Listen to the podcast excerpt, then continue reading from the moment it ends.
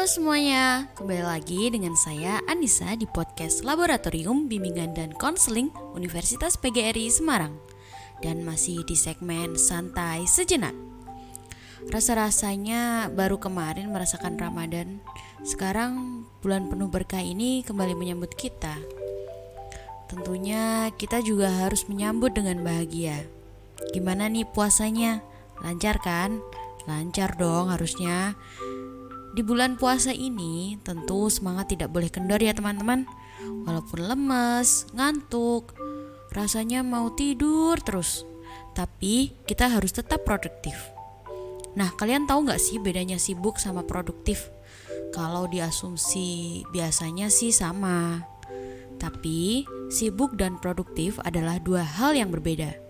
Sebenarnya tidak ada definisi asli dan pasti tentang sibuk dan produktif yang berbeda itu.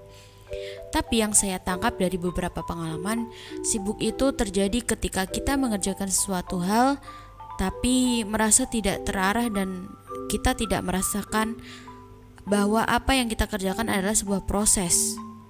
Hanya dapat lelahnya saja. Lain ceritanya jika produktif. Kalau kita produktif, pekerjaan kita lebih terarah karena kita fokus dengan target yang akan kita raih di hari itu atau apa yang akan kita kerjakan pada hari itu. Karena adanya target dan hal yang akan kita kerjakan, kita akan merasakan progres yang terjadi pada diri kita dan kita bisa menganalisis hasil dari pekerjaan hari itu.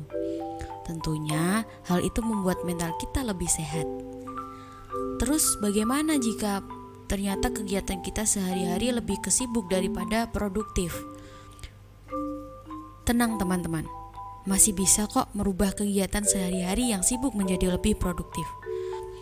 Mungkin dari penjelasan awal tadi bisa kita pahami bersama ya bagaimana caranya. Untuk selengkapnya, simak baik-baik podcast ini.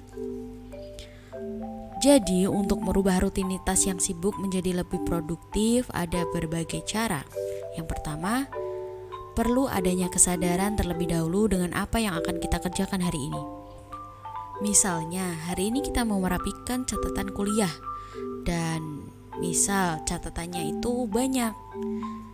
Kita bisa memulai dengan menentukan hari ini mau ngerjain berapa dulu dan berikutnya bisa kita lanjutkan esok hari.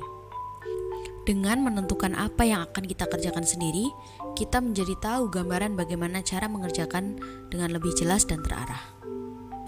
Yang kedua, buat prioritas hal yang akan dilakukan. Ini akan sesuai dengan orang yang suka mengerjakan berbagai pekerjaan secara bersamaan. Kalau kita lagi stres, kita suka merasa semua hal yang kita kerjakan itu penting dan urgent untuk kita kerjakan. Padahal ada beberapa hal atau pekerjaan yang dapat kita prioritaskan dan ada beberapa hal yang bisa kita kerjakan setelahnya. Lalu, bagaimana cara menentukan pekerjaan yang dapat kita prioritaskan dan pekerjaan yang dapat kita kerjakan setelahnya. Kita bisa memulai dengan memetakan berdasarkan waktu, misalnya mengerjakan tugas yang deadline-nya terdekat, atau kita bisa menentukan skala prioritas kita sendiri. Dengan memetakan pekerjaan yang diprioritaskan, kita dapat mendapat gambaran jelas tentang apa yang harus kita kerjakan sekarang dan mana yang penting tapi bisa kita kerjakan setelahnya. Cara seperti ini dinilai dapat membuat kita dalam mengerjakan pekerjaan menjadi lebih santai. Yang ketiga, coba mengurangi multitasking atau mengerjakan beberapa hal dalam waktu bersamaan. Pada dasarnya, manusia adalah multitasker yang buruk. Ketika kita mengerjakan dua hal sekaligus, maka fokus kita akan berkurang pada saat mengerjakan hal itu Simpelnya, fokus kita menjadi terpecah. Jadi kita tidak mendapatkan makna dari progres dari keduanya. Karena fokus satu dibagi menjadi dua. Akhirnya tidak ada yang optimal. Untuk itu disarankan untuk fokus ke pekerjaan satu dulu.